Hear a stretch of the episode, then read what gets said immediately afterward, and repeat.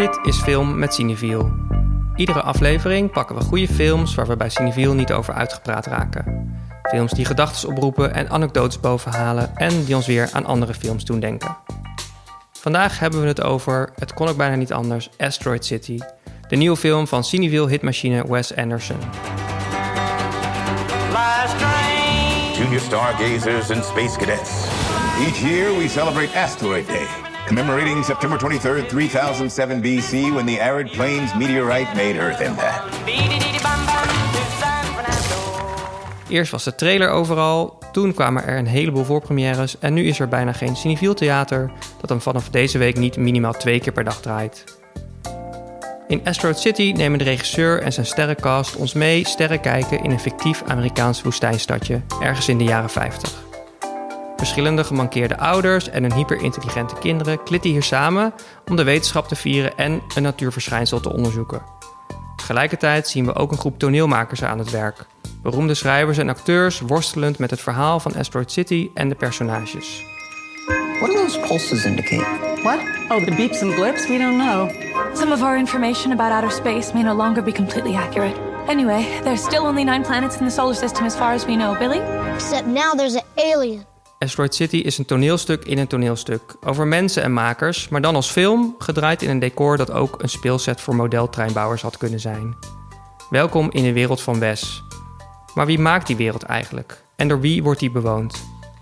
We gaan het in deze podcast hebben over de mensen achter de schermen. De ontwerpers, de bouwers, de mensen met het oog voor detail. En we bespreken twee van Andersons favoriete archetypen. De femme fatale en de afwezige vader. Mijn naam is Jesse Heines en naast mij aan tafel zitten mijn collega's Jente Buskus en Emin Kalkan. Welkom. Hallo. Hallo. Emin, jij bent uh, voor het eerst in de podcast. Ja. Onze nieuwe collega. De agenda koning. De agenda koning. Uh, als mensen naar de film gaan en ze klikken op een draaitijd, filmtitel, dan zien ze jouw filmpagina's. Jij Ja. weet precies wat waar draait Alles. alles. ik dacht, hoe kunnen we iemand beter leren kennen dan te horen wat diens favoriete film is? Ja, ik heb één favoriete film en ehm, dat is sowieso Frances H. Ja. eh, van Noah Baumbach met ehm, Greta Gerwig. We are going to take over the world. You'll be this awesome publishing mogul. And you'll be this famous modern dancer. Want die is een paar jaar oud, waar gaat hij ook weer over? Het gaat eh, over ehm, Frances Ja. en die speelt dus eh, iemand die eigenlijk een soort van een middelmatig leven heeft en leidt. Want ze is een danseres, doet ze middelmatig. Haar liefdesleven, middelmatig. Haar vrienden, middelmatig. En op de een of andere manier vind ik dat gewoon heel erg... Ik bewonder dat wel. dat, dat je gewoon een film hebt waarin alles middelmatig gaat... en alsnog ben je een soort van mesmerized... en, en, en romantiseer je alsnog het hele leven van Frances. Oh ja, en het is ook in, in New York, denk ik, of in ja, een grote ja, stad. ja, en zwart-wit. Ja, want meestal films over mensen in New York gaan dat over hele succesvolle Ja, eh, figuren. Oké, dus middelmatig. En eh, misschien een beetje stomme vraag, maar vind je dat heel herkenbaar? Is je daarom dat je het leuk vindt om naar te kijken? Of, eh, nee, maar ik vind het juist- wel fijn. Ja. Want het is toch een beetje een escapism, een soort van. Dat je Mhm. ziet van, oké, je hoeft het op een bepaalde leeftijd toch niet allemaal te Ja. weten. Het kan toch Ja. allemaal misgaan. Ja. En Frances, zij is dus juist iemand die heel positief is, ook al gaat alles mis. En dat Mhm. Is ook waarom ik... Dat, ik ben ook wel zo iemand, denk ja. ik. Dat is wel een chille boodschap. Zo Ja. van, je hoeft niet Ja, te excelleren. Goed te zijn in alles. Nee. ja. Ik kan me herinneren inderdaad zo'n scène dat hij heel, heel raar danst of zo. En ja ze kan niet dansen. Dat kan is, niet eh, maar ze is als, voor, vooralsnog wel gewoon een danseres Ja. en een lerares en in dans. en dat kan ze gewoon echt niet. Oké, nou ja, het, het is goed dat hij weer even op de radar staat. Het, eh, leuk bruggetje naar Wes Anderson. Iemand die nou ja, niet middelmatig is, volgens mij, in ieder geval heel erg perfectionistisch. Ja, Ja. ik zei het al, Cineviel hitmachine. Volgens mij alles wat die man maakt is binnen Cineviel... staat een beetje gelijk aan eh, de nieuwe Batman-film of superhelden... Blockbuster. Iedereen Qua staat er ja, qua ja. bezoekersaantallen. Jente, waar gaat... Ik zei het net al een beetje, maar waar gaat de film ongeveer over? Wat, Oeh, dat is mo- een moeilijke vraag. Want Ja. het is een, een film over een toneelstuk in een toneelstuk in een televisieprogramma eh, oh ja, of zo. zoiets. vergeten, ja. ja. Maar ogenschijnlijk gaat het over het dorpje Asteroid City, waar ehm, de conventie voor Young Stargazers en Space Cadets plaatsvindt, ergens in de jaren 50 in eh, de Amerikaanse woestijn, een soort van Nevada-achtig omgeving. En daar komen allerlei jonge eh, stargazers bijeen om nerdige dingen te doen, zoals naar de sterren te kijken Mhm. en het hebben over, weet ik veel, Hun uitvindingen. of zo. Ja, ze en hebben hun gekke uitvindingen, uitvinding ja. gedaan en ze krijgen een prijs. Ze en- zijn allemaal heel slim. Ja. Ehm, en hun, eh, hun ouders komen ook mee en die nemen ook hun fysieke en emotionele bagage met Mhm. zich mee. Waaronder wie het eh, personage van Jason Schwartzman, die... eh, is het Aggie. Aggie. Ja. Ja. ik vergeet altijd iedereen's naam Ja. in Wes Anderson's films. Dat is gewoon onmogelijk Zijn om er bij ook te houden. zoveel. Er zijn heel veel, ja. Ehm, en eh, hij maakt eigenlijk een soort van rouwproces door gedurende de hele film. Maar dat is zeg, eigenlijk nog maar een klein onderdeel daarvan. Eh, want Asteroid City is fictief in de zin van dat het een Wes Anderson film is. Maar het is ook weer fictief in de film zelf. En daar zit dan weer een hele soort van stage production omheen. Eh, en rondom die theaterproductie wordt dan een soort televisieprogramma opgenomen.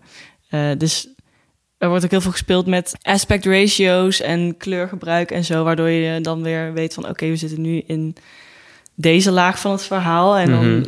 als het weer super zonnig, saturated, Kodachrome gekleurd is, dan weet je, oh, we zijn weer in Asteroid City. Er kan geen misverstand over bestaan. Zeker niet. Welk deel Nee, waar. In de wereld van Wes Anderson bestaan in ieder geval geen misverstanden over wat hij wil laten zien, denk Mhm. ik.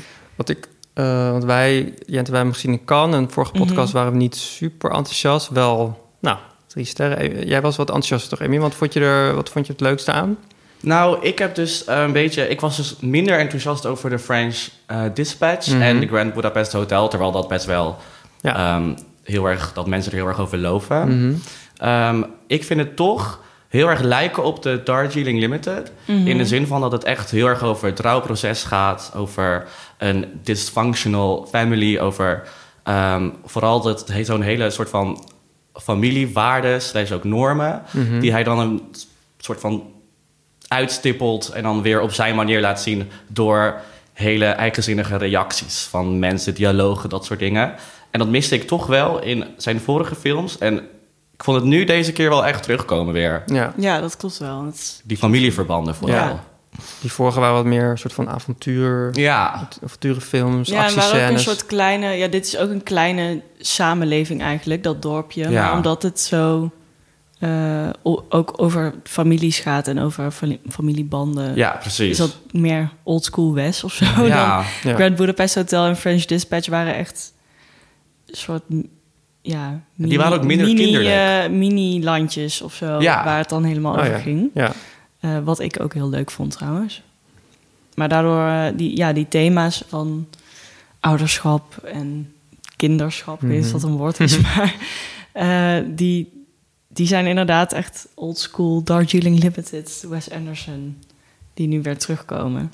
Daar gaan we het eh, straks nog even over hebben, over de familiebanden en Ja. wat West daar graag over te vertellen heeft. Wat, wat, ik, wat ik eigenlijk het leukst vond was ehm, zeg maar het wereldje aan zich. Zeg maar, het is heel erg een afgesloten dorpje. Je rijdt er Mhm. met een treintje, een modeltreintje, rij je er binnen. Eh, en dan even los van het hele backstage toneelverhaal. Zeg maar, het verhaal in Asteroid City speelt zich af in een soort van ja, het woestijndorpje... waarin je ook in de eerste minuten met een soort 360 graden camera spin eh, wordt uitgelegd... hier staat de diner, hier zijn de vakantiehuisjes... hier staat een flyover snelweg eh, ding wat niet, nooit is afgebouwd. Ehm, dus het is echt weer een soort van ja, klein wereldje, Poppenhuisje. miniatuur poppenhuisje... waar Wes Anderson dan met zijn poppetjes gespeeld door de grootste sterren der aarde aan het spelen is. Eh, in de intro zei ik ook even, we gaan het hebben over wie die wereld dan maakt of ontwerpt. Uh, Jente, jij bent daar helemaal in gedoken. Mhm. Eh, wat zijn los van ja, de acteurs, de, de grote namen, wat zijn de mensen met, met wie Wes eigenlijk Wes Anderson vaker samenwerkt om dan ja, zijn visie eigenlijk te brengen zoals die zou moeten zijn? Ja, het is eigenlijk een beetje hetzelfde als zijn casting. Heb ik het idee dat hij, eh, als hij eenmaal iemand heeft gevonden met wie hij graag samenwerkt en met wie het klikt, dat hij dan forever met die persoon lijkt te blijven. Dat is net als eh, Owen Wilson, die zijn kamergenoot of zo was op de universiteit, met wie hij nu nog steeds films maakt. En Eh, Bill Murray zit ook in bijna elke Wes Anderson film en zo. Behalve deze. Behalve deze. Ja. Ehm, maar dat, dat gebeurt eigenlijk ook bij, eh, ja, achter de schermen. Ehm, dus die, die wereldjes die hij bouwt, die bouwt hij met vrienden en met eh, mensen die hij al tientallen jaren kent. En ja, dat begint eigenlijk bij de production designer. Eh, en dat de production designer van Asteroid City is eh, Adam Stockhausen. En daarmee heeft hij al, hij al 1, 2, 3, vier keer eerder samengewerkt. Um, eigenlijk vanaf Moonrise Kingdom um, is dat een beetje zijn vaste production designer. ook voor Isle of Dogs, wat een animatiefilm was of stop-motion film. Wat wel interessant is dat daar dan nog steeds uh, de, de, de persoon die de sets bouwt en zodat dat dan dezelfde persoon is. Want wat doet een production designer die ontwerpt het decor? Of hoe moet ik dat um, zien? Nou, eigenlijk uh, maakt die alles. Of overziet in ieder geval het maken van alles. Want Isle of Dogs verschilt daarin bijvoorbeeld totaal niet van bijvoorbeeld een andere film waar hij aan heeft gewerkt, Ready Player One, waarin alles, bijna alles CGI was. Mhm. En dan zegt hij eigenlijk, ja, Isle of Dogs is volledig handgemaakt. Alles in het frame is handgemaakt. En je kan het niet in de winkel kopen. Dus je moet het gewoon maken. Elke deur, elke steen, elk haartje op een hond. Dat moet iemand bedenken. En iemand moet bedenken welke kleur dat heeft. En van welk materiaal je het maakt. Hoe groot het moet zijn. Um, wie het gaat maken. Waar je het gaat maken.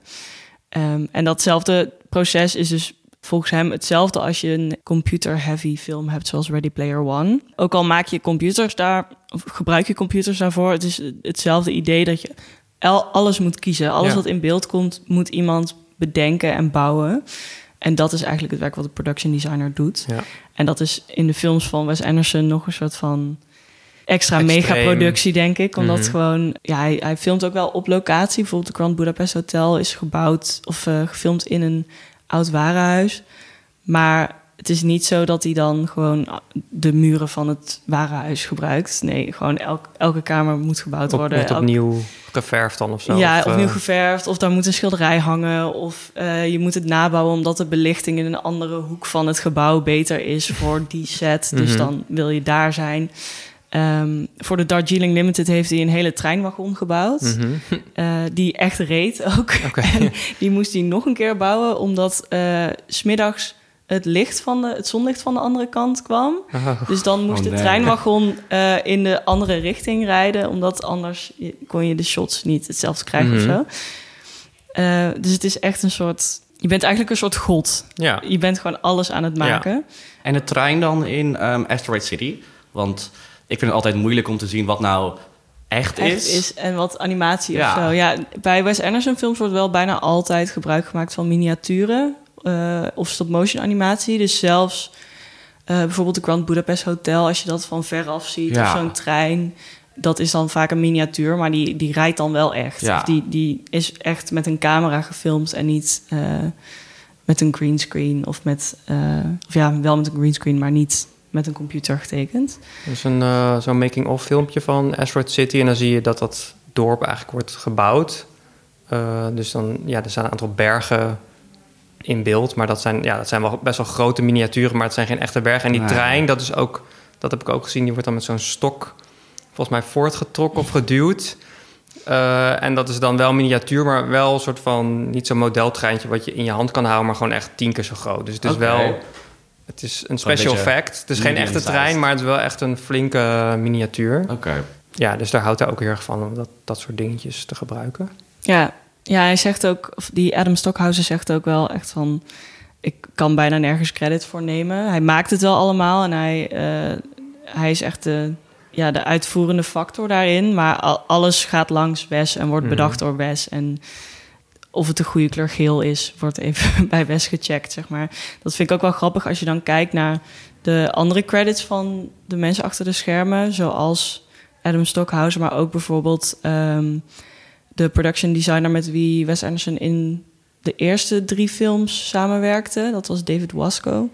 Die hebben allebei gewerkt op films waarvan je denkt... hoezo is dit dezelfde production designer als al deze Wes Anderson films? Echt Fifty Shades of Grey, ehm, ja, Ready Player One dus, eh, Scream 4, Widows, de nieuwe Indiana Jones, zeg maar. Het is niet alsof uh, Wes Anderson zichzelf omringt met mensen die dezelfde visuele stijl hebben als hij.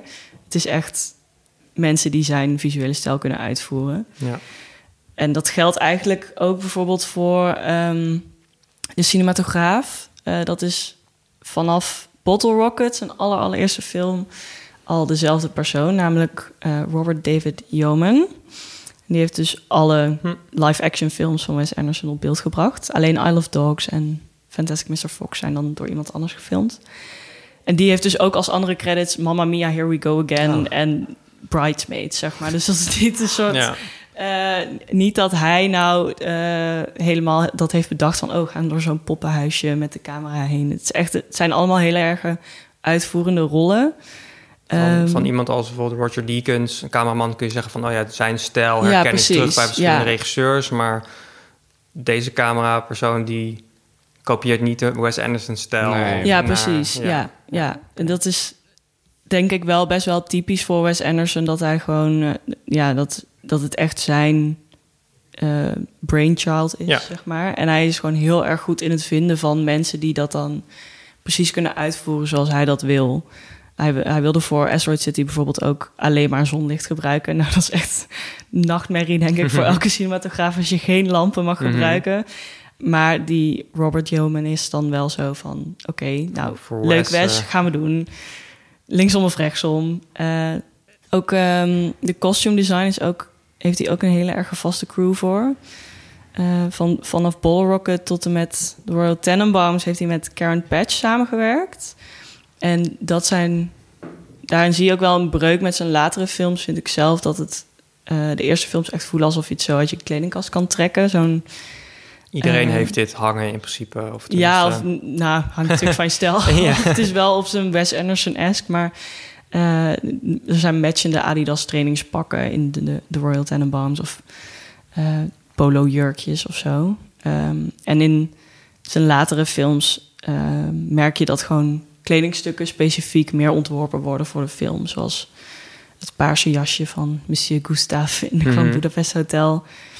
Uh, dat, uh, die, die kostuums zijn van Milena Canonero, die nu ook uh, de kostuumdesigner is. En zij heeft echt een belachelijke lijst aan credits van, van The Godfather 2 tot Marie Antoinette. En zij creëert echt haar eigen patronen, eigen stoffen. Dat is minder um, uit het leven gegrepen of ja. zo. Ja ja, die ontwikkeling van Wes Anderson films wordt een beetje steeds extremer. Tenminste heb ik het ja. idee van inderdaad Bottle Rocket, wat gewoon op straat.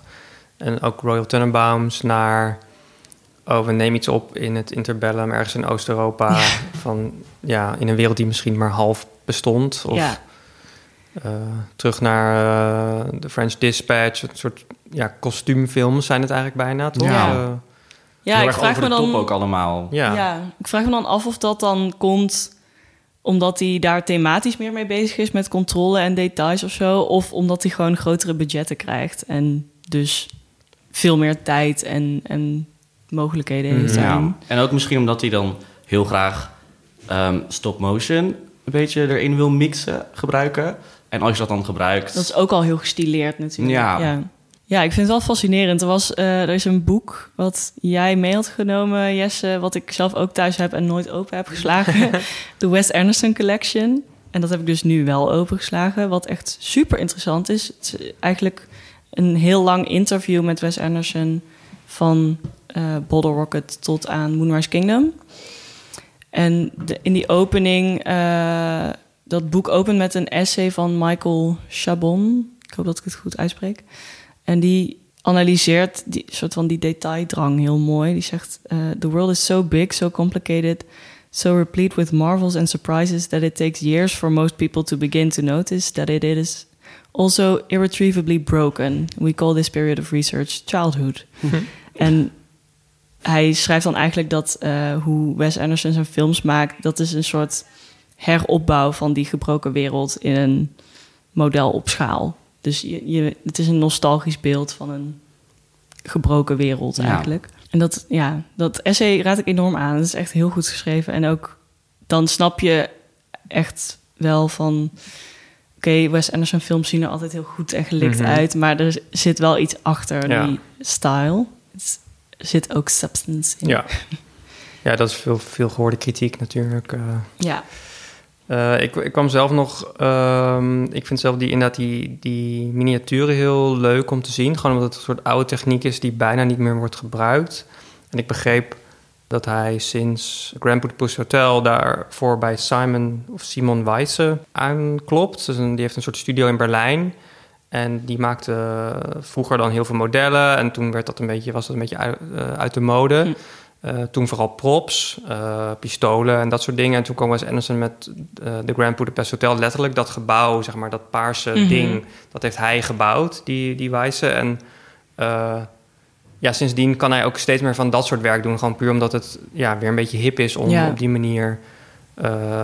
ja, met film om te gaan. Zo van niet alleen maar alles uit de computer of alles op locatie, maar het ook een beetje artificieel maken door bijvoorbeeld in de ehm, French Dispatch heb je zo'n Frans dorpje. Nou, dat is dan ook echt gefilmd in Frankrijk, maar Ja. de eerste drie huisjes die je ziet zijn dan echt. En maar in de achtergrond zie je dan nog een soort van heuvel vol met andere huisjes. En dat is dan eigenlijk een miniatuur die gebouwd is dan in Berlijn in zo'n studio.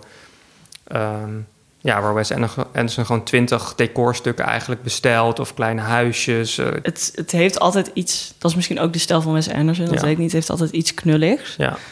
Ehm, maar daar, dat vind ik wel het meest charmante eraan of zo. Is er nog een andere maker die we moeten kennen, Jente? Eh, nou, misschien eh, Alexandre Desplat. Ah, oui. Ah oui, zijn, eh, of nou niet zijn, een componist. Mhm. die vanaf Moonrise Kingdom of Fantastic Mr. Fox de scores maakt voor alle Wes Anderson films eigenlijk. Tenminste tot nu toe dan. En dat is ook echt een, een maker die zo erg synoniem is geworden met het Wes Anderson merk dat ik, als ik hem was, het bijna irritant zou vinden, denk ik. Als je, als je op TikTok van die Wes Anderson parodies of filming my life as a Wes Anderson movie ziet, dan is het ook altijd op een soundtrack van klavensymbols en Ja. ritmische barokke panfluiten eh, die je meteen herkent als een Wes Anderson muziekje. Mhm. Terwijl eigenlijk als je al die scores naast elkaar legt, zijn ze zo anders. Het is echt zo... Ik heb wat interviews met hem gelezen en hij duikt steeds zo erg in een heel specifiek research ding. Dat eh, zelfs al is het allemaal van dezelfde componist, het heeft echt een eigen, ehm, ja, eigen wortels in iets. Ja. Dus bijvoorbeeld voor de Grand Budapest Hotel heeft hij zich helemaal verdiept in Oost-Europese volksmuziek. Eh, wat natuurlijk een compleet andere sound heeft dan eh, in Moonrise Kingdom de een beetje padvinderij fluiten of zo, Mhm. weet je wel. Dus eh, daarin zoekt hij wel echt voor elke film een nieuwe identiteit voor zijn score op. Maar hij heeft ook ehm, een Oscar gewonnen bijvoorbeeld voor de score van The Shape of Water. En dat, eh, als je die hoort, dan hoor je ook wel een beetje het soort van whimsical. eh, ja, bijna, die film voelt dan ook een beetje Wes Anderson-esque Mhm. of zo daarvoor, vind ik. Oké, tot zover eh, de stijl. Laten we naar de inhoud gaan, want die heeft Wes Anderson heus ook wel. we hadden het van tevoren even over van, nou, als we denken aan Wes Anderson en personages en archetypen van wat voor soort personages hij vaak opvoert. Eh Emin, toen zei jij van Femme Fatale Ja. en Daddy Issues. En daddy issues. Laten we met de Femme Fatale beginnen, want die zit, ja, die zit er hier echt een heel Ja. goed voorbeeld van in. Hè? Wat, ja, eh, in eh, Asteroid City speelt eh, Scarlett Johansson Mitch Campbell. En eh, Mitch is gebaseerd op een eh charmante Hollywoodster. En ook geïnspireerd door alle Hollywoodvrouwen uit de jaren 50. Ze heeft een volmaakte rode lip. Helemaal zo mooi strak zwart haar naar achter. En ze heeft eigenlijk het uiterlijk van Liz Taylor. Die Ehm, styling is zo goed. ja, maar echt, alles is gewoon echt in de precisie ook gewoon. Het is allemaal heel erg gebaseerd op de jaren 50. Eh, en dan vooral ook met Mitch Campbell. Zij is gewoon wat Liz Taylor, Betty Davis en ehm, Marilyn Monroe allemaal zijn eigenlijk. Mhm. Want zij is ook, eh, zeg maar, het personage van Scarlett Johansson is ook een filmster, toch? In Ja, het- ze is ja. een eh, Hollywood filmster inderdaad. En ehm, daar komt dan een beetje femme fatale bij kijken. Ehm, wat dat betekent is dat het een vrouw is die niet opvalt door haar conservatieve schoonheid, maar eerder door haar verleidelijke en broeierige uitstraling. Heel sexy is het. En dus gevaarlijk. Ja, en heel gevaarlijk. Want je kan het ook een beetje vergelijken met een Manic Pixie Girl. Maar er is wel één heel groot verschil. En dat is dat de femme fatale er is om chaos te veroorzaken. En dat is meestal in het leven van een man. Maar dat is Ehm, wel echt een interessant verschil. Want als ik denk aan bijvoorbeeld ehm, Margot Tenenbaum... dan dus zij voelt echt als een Manic Pixie Dream. Ja. Gewoon in hoe ze gestyled is en door de soundtrack van die film en zo... denk je echt, dit is gewoon een soort Zoe Deschanel in 500 Days of Summer persoon. Maar Ja, inderdaad. Toch? Ze, ze, gaat, ze gaat niemand, ze gaat geen mannelijk personage helpen Nee. eh, in zijn karakterontwikkeling. Eerder plan. tegenwerken. Ja, ja, ja. En ehm, dat is ook wat er dus is in Asteroid City Mhm. eh, bij Scarlett Johansson. Zij heeft dus ook zelf gezegd dat ze heel erg haar rol heeft gebaseerd op ehm, vooral Betty Davis. Ze zegt, she felt like when you watch her, sh- she seems comfortable in the space she takes up. Ehm, dus Betty Davis is heel zelfverzekerd, heel sexy, heel, heel broeierig. Ze is er gewoon om niet alleen er voor de man te zijn als een bijrol, maar ook om hem gewoon een beetje te ondermijnen in die zin. Eh, daar heeft ze het vooral heel erg op gebaseerd. Ehm, wat Wes Anderson te zeggen had over Mitch Campbell is dat hij ook, net zoals ehm, hoe Scarlett Johansson zich had voorbereid op de rol, aan Betty Davis moest denken, omdat ze dus ook haar eigen stem en ruimte creëert ehm, en heel seksueel zelfverzekerd overkomt. Want zij is moeder van een van die kinderen, toch? Ja. Ze komt dat dorpje binnen en eh, welke man, zeg maar, welke man brengt ze chaos? Nou, dat is dus een beetje het ding, want zij komt dus eh, binnen in Asteroid City. Ehm, en het eerste wat je ziet is eigenlijk dat, dat ze een blauwe plek heeft bij haar oog. Een blauwe plek. Ehm, en dan vraagt hij, Jason Schwartzman, zijn personage, de vader, Aggie, eh, van... Oh, is dit echt? Zegt ze, nee, ik moet me voor een rol, moet ik voorbereiden. Ehm, en al snel blijkt dat het toch een soort van een kern van waarheid heeft... omdat ze dus eh, gescheiden is en ook een beetje een hint geeft van dat ze uit een niet zo hele gezellige eh, relatie komt. ja, relatie komt. Ja. Eigenlijk, want het is dus een soort van film in een film. Ehm, eigenlijk probeert ze zich dus voor te bereiden op haar rol. Door dus ehm, Jason Schwartzman zijn personage Aggie te gebruiken. Ja. En dat zie je dus heel goed, want ehm, hij heeft zijn eigen issues waar hij mee dealt. En ehm, zij komt toch een beetje, ja, een beetje, een beetje. Ze zorgt toch voor problemen, omdat hij al ehm, aan het rouwen is en hij heeft het toch heel moeilijk en, en het gaat allemaal niet zo lekker met zijn gezin, bla bla bla. En dan komt zij opeens sexy, helemaal ready to have him, gewoon om, haar, om haar vingers winden met één Ja. blik. Ja. Dat eh, is eigenlijk wat een femme fatale doet. Ja. En eh, dat zie je dus ook heel erg goed in andere films van Wes Anderson.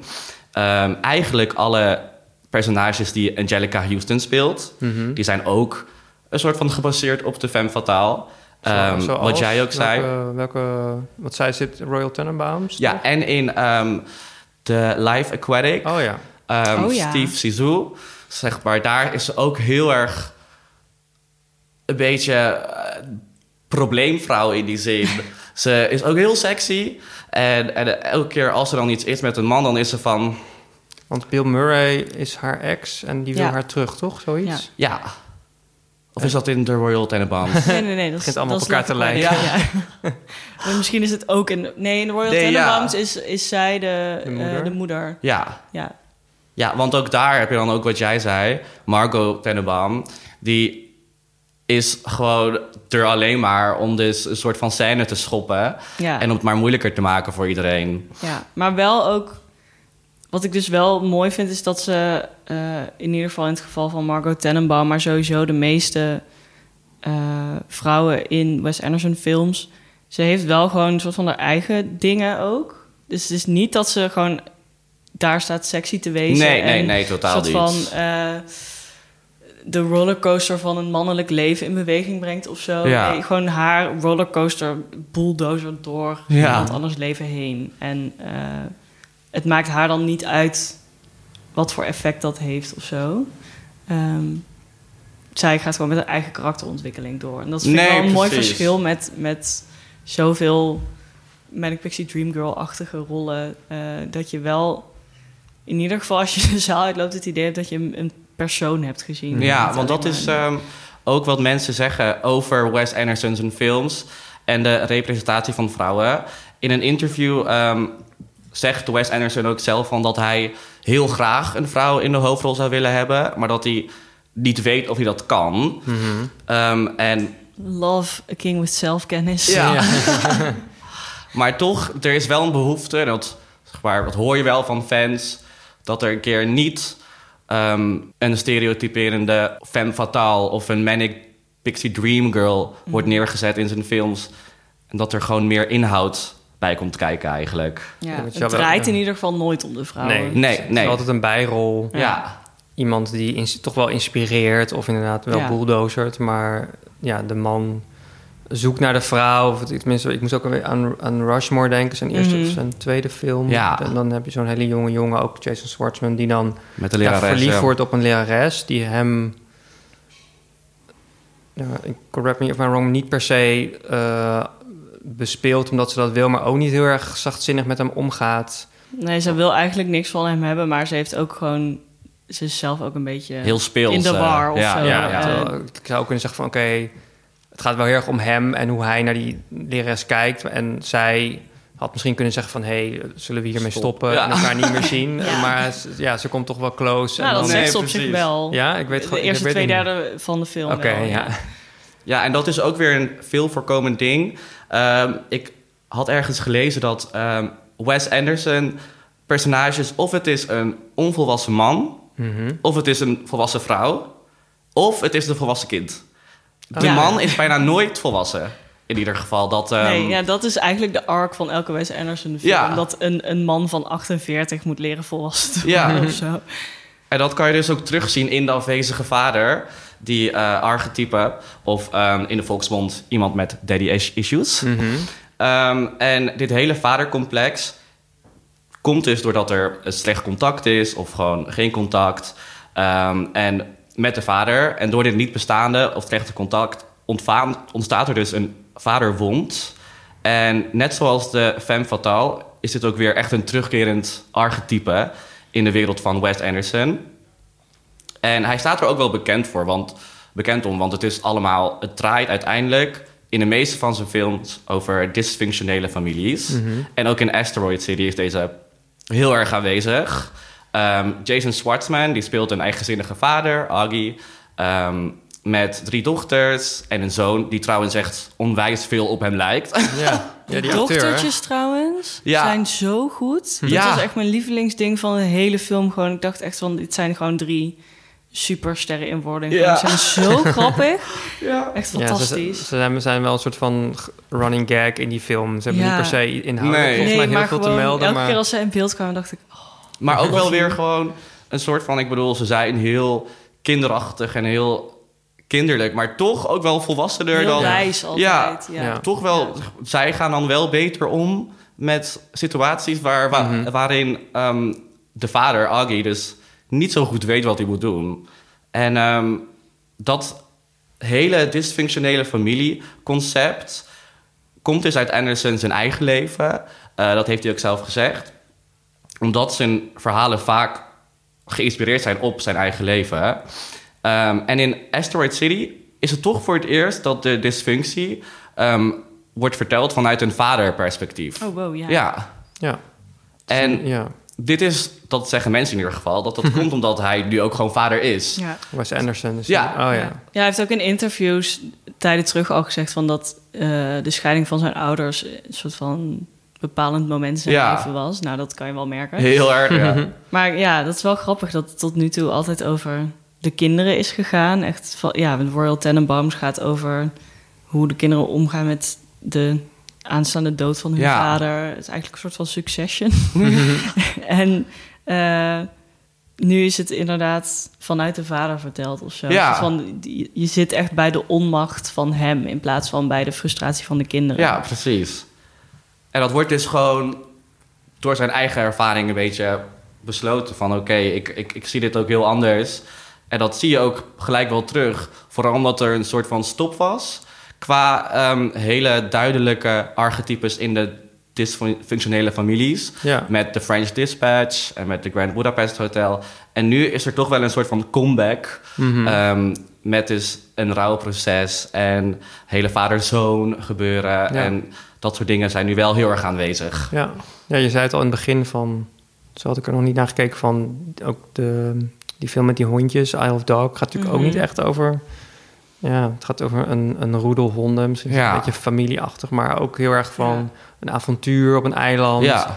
Ja. En met robots en eh, in een gekke wereld. Nou ja, de Grand Budapest Hotel gaat wel ook wel een beetje over een soort van... Een, een, een man die een vaderrol op Ja. zich neemt... en een jongen die een kinderrol op zich neemt. Ja, en ook waar. begint ook bij de dood van een soort van moederfiguur. Ja.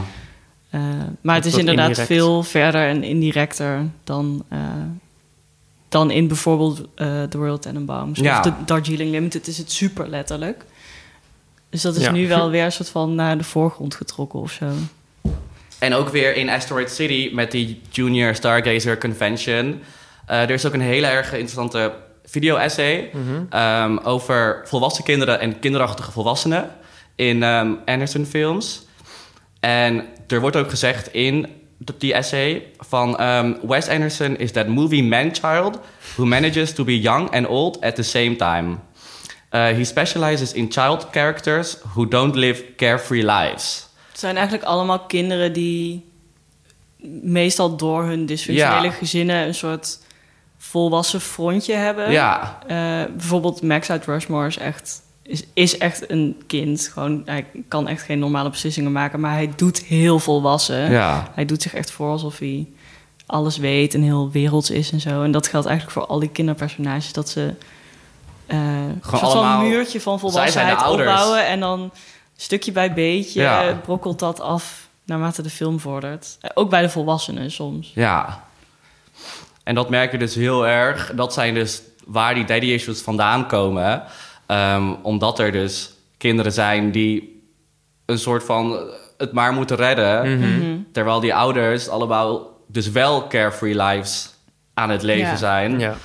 en Ehm, ook wel als je dan de, de volwassen kindpersonages van Wes Anderson films analyseert. Als je kijkt naar de kinderen uit Royal Tenenbaums... die dan dertigers, veertigers zijn... Ja. of eh, de Darjeeling Limited... dan merk je dat het allemaal mensen zijn... die dan op volwassen leeftijd ineens heel erg kinderlijk gaan doen. Ja. Omdat ze dat eerst niet hebben kunnen doen. Nee, of, ja, eh, een soort van trauma ook een beetje. ja, het is een soort omgekeerde puberteit of zo... die ze dan doormaken van... wacht even, ik, moet, ik ga nu even gewoon een hele film lang... allemaal domme dingen doen, want dat heb ik niet gedaan toen ik negen was. Dus het moet nu. En ook weer met ehm, wat Wes Anderson er dan over te zeggen heeft, is I don't think any of us are considered normal people.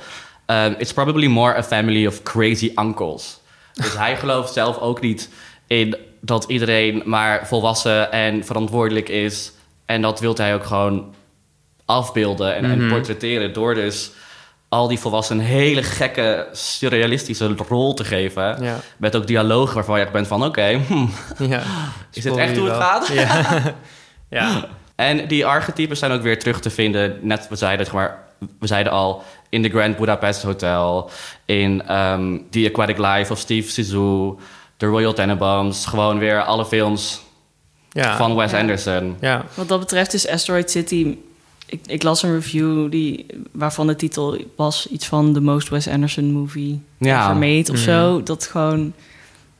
hij- gaat heel erg terug naar die, die basistypetjes die hij al heel lang gebruikt. Maar tegelijkertijd is het qua stijl eh, meer- veel meer vergelijkbaar met zoiets als de Grand Budapest Hotel of Ja. The French Ja. Dispatch. Dus het is daarin, als je Wes Anderson fan bent tenminste, echt de best of both Ja. worlds. Omdat de thematiek is oude Wes en de stijl is nieuwe ja. Wes of zo. ja.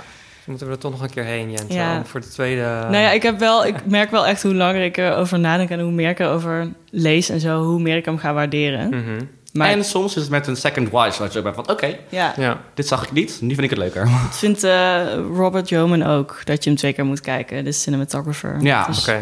Maar puur omdat er heel veel te zien is, wat je misschien mist? Of, eh, Ja, hij zei iets van, eh, hij, hij heeft het, eh, het script gelezen en de film gedraaid en toch waren er nog steeds connecties en dingetjes Oh ja. die hij pas zag toen hij de film zag ja. of zo. Want wij hebben het nu eigenlijk alleen maar gehad over Asteroid City, het toneelstuk in de desert, zeg maar. Mhm. Terwijl... eh, Het wordt, er wordt ook uitgezoomd nog. ja, en ja. dat zit natuurlijk ook die trailer en de poster, alles is heel erg daarop gefocust. Maar Mhm. daarachter zit ook nog, en dat zou ik bijna vergeten, van een hele wereld van ja, toneelmakers die ook een soort persoonlijk leven hebben, dingen uitstralen en dingen Ja. uitspreken. Mensen die volgens mij verliefd op elkaar zijn, mensen die hun rol kwijt zijn geraakt nadat ze er heel lang aan hebben besteed. Dus ik, ik merk dat, we het, dat er inderdaad zoveel in zit, puur alleen al in het desert gedeelte en dan ook nog een heel erg New York toneelwereld gedeelte in zit waar ik echt nog helemaal niet over heb nagedacht. Nee. Mhm. Eh, Wat dat betreft vond ik Jason Schwartzman ook echt fantastisch in deze film. Dat hij, hij speelt dus Augie, die vader. Mhm. Maar hij speelt ook de acteur die Augie speelt. Ja. En dat, dat zijn twee totaal verschillende rollen. ja, ja, ja. Eh, en dat doet hij zo goed. Ja. Echt fascinerend gewoon Ja. om naar te kijken. Oké, volgens mij zijn we rond. Ik wou het ook nog heel even hebben over wat er nog meer aankomt. We hebben natuurlijk eh Asteroid City. Iedereen gaat naar Asteroid City. Overal draait Ah. Asteroid City. Eh, het wordt top drie na beste films van het jaar waarschijnlijk, Asteroid City. Ehm, nog twee films uit die categorie die ik nog even wil noemen... zijn natuurlijk Barbie en Oppenheimer komen eraan. Uh, Barbenheimer. Barbenheimer, wie gaat er waarheen op welke dag... en welke film eindigt eh, met de meeste bezoekers? Ehm, wanneer komen ze ook weer uit? Barbie komt de 19e uit, officieel in Nederland. En eh, Oppenheimer de 20e. Van juli trouwens. Woensdag, donderdag, ja.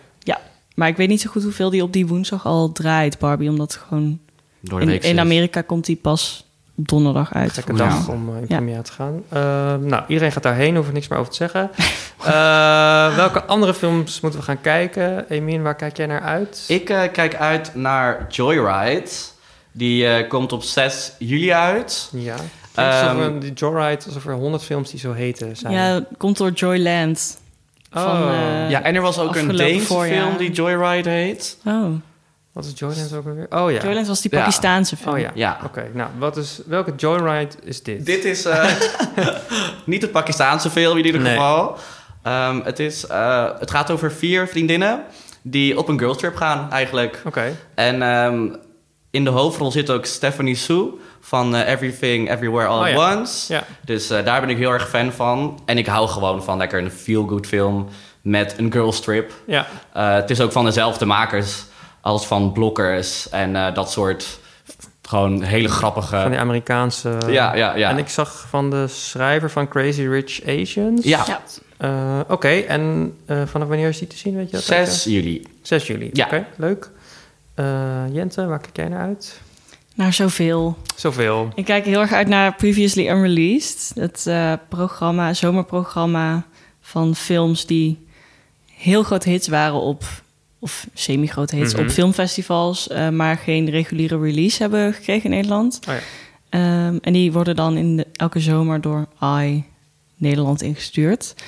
Ehm, en dat programma begint 29 juni met Le Pire, een eh, Franse film over een filmmaker, lekker meta weer, eh, die een film wil maken over eh, probleemkinderen in een Franse buitenwijk, zeg ik dat goed? Volgens mij wel. Ja, Frans. Ehm, dat is de eerste film die daarvoor wordt uitgebracht. En daarna komt er eigenlijk elke week weer een nieuwe film uit. En ik kijk ook heel erg uit naar een film die ik al heb gezien, maar met wie ik het al een of waar ik het al een jaar met niemand over kan hebben. Namelijk The Eternal Daughter, eh, de nieuwe film van Joanna Hawke. Die heb ik eh, vorig jaar op het filmfestival van Venetië gezien. En die komt nu pas uit. Die komt 29 juni uit. eh, met twee Tilda Swintons in de hoofdrol. Die spelen moeder en dochter. Wat, ja, dan, dan heb je mij al. Maar het is een heel mooi, beetje spooky, klein verhaal. Hij duurt ook niet zo heel lang. Over een moeder en een dochter die naar een beetje verlaten hotel gaan. En daar proberen, probeert die dochter eigenlijk herinneringen op te halen met haar moeder. Omdat ze die wil gebruiken voor een film. En dat gaat best wel moeizaam. Heel meta. Het is heel meta allemaal. Ehm, maar echt heel erg mooi. En gewoon, het, het voelde voor mij een beetje als een, een kleine The Shining. Maar dan Oh ja. heel anders. Oké, Wow, Maar- maar-.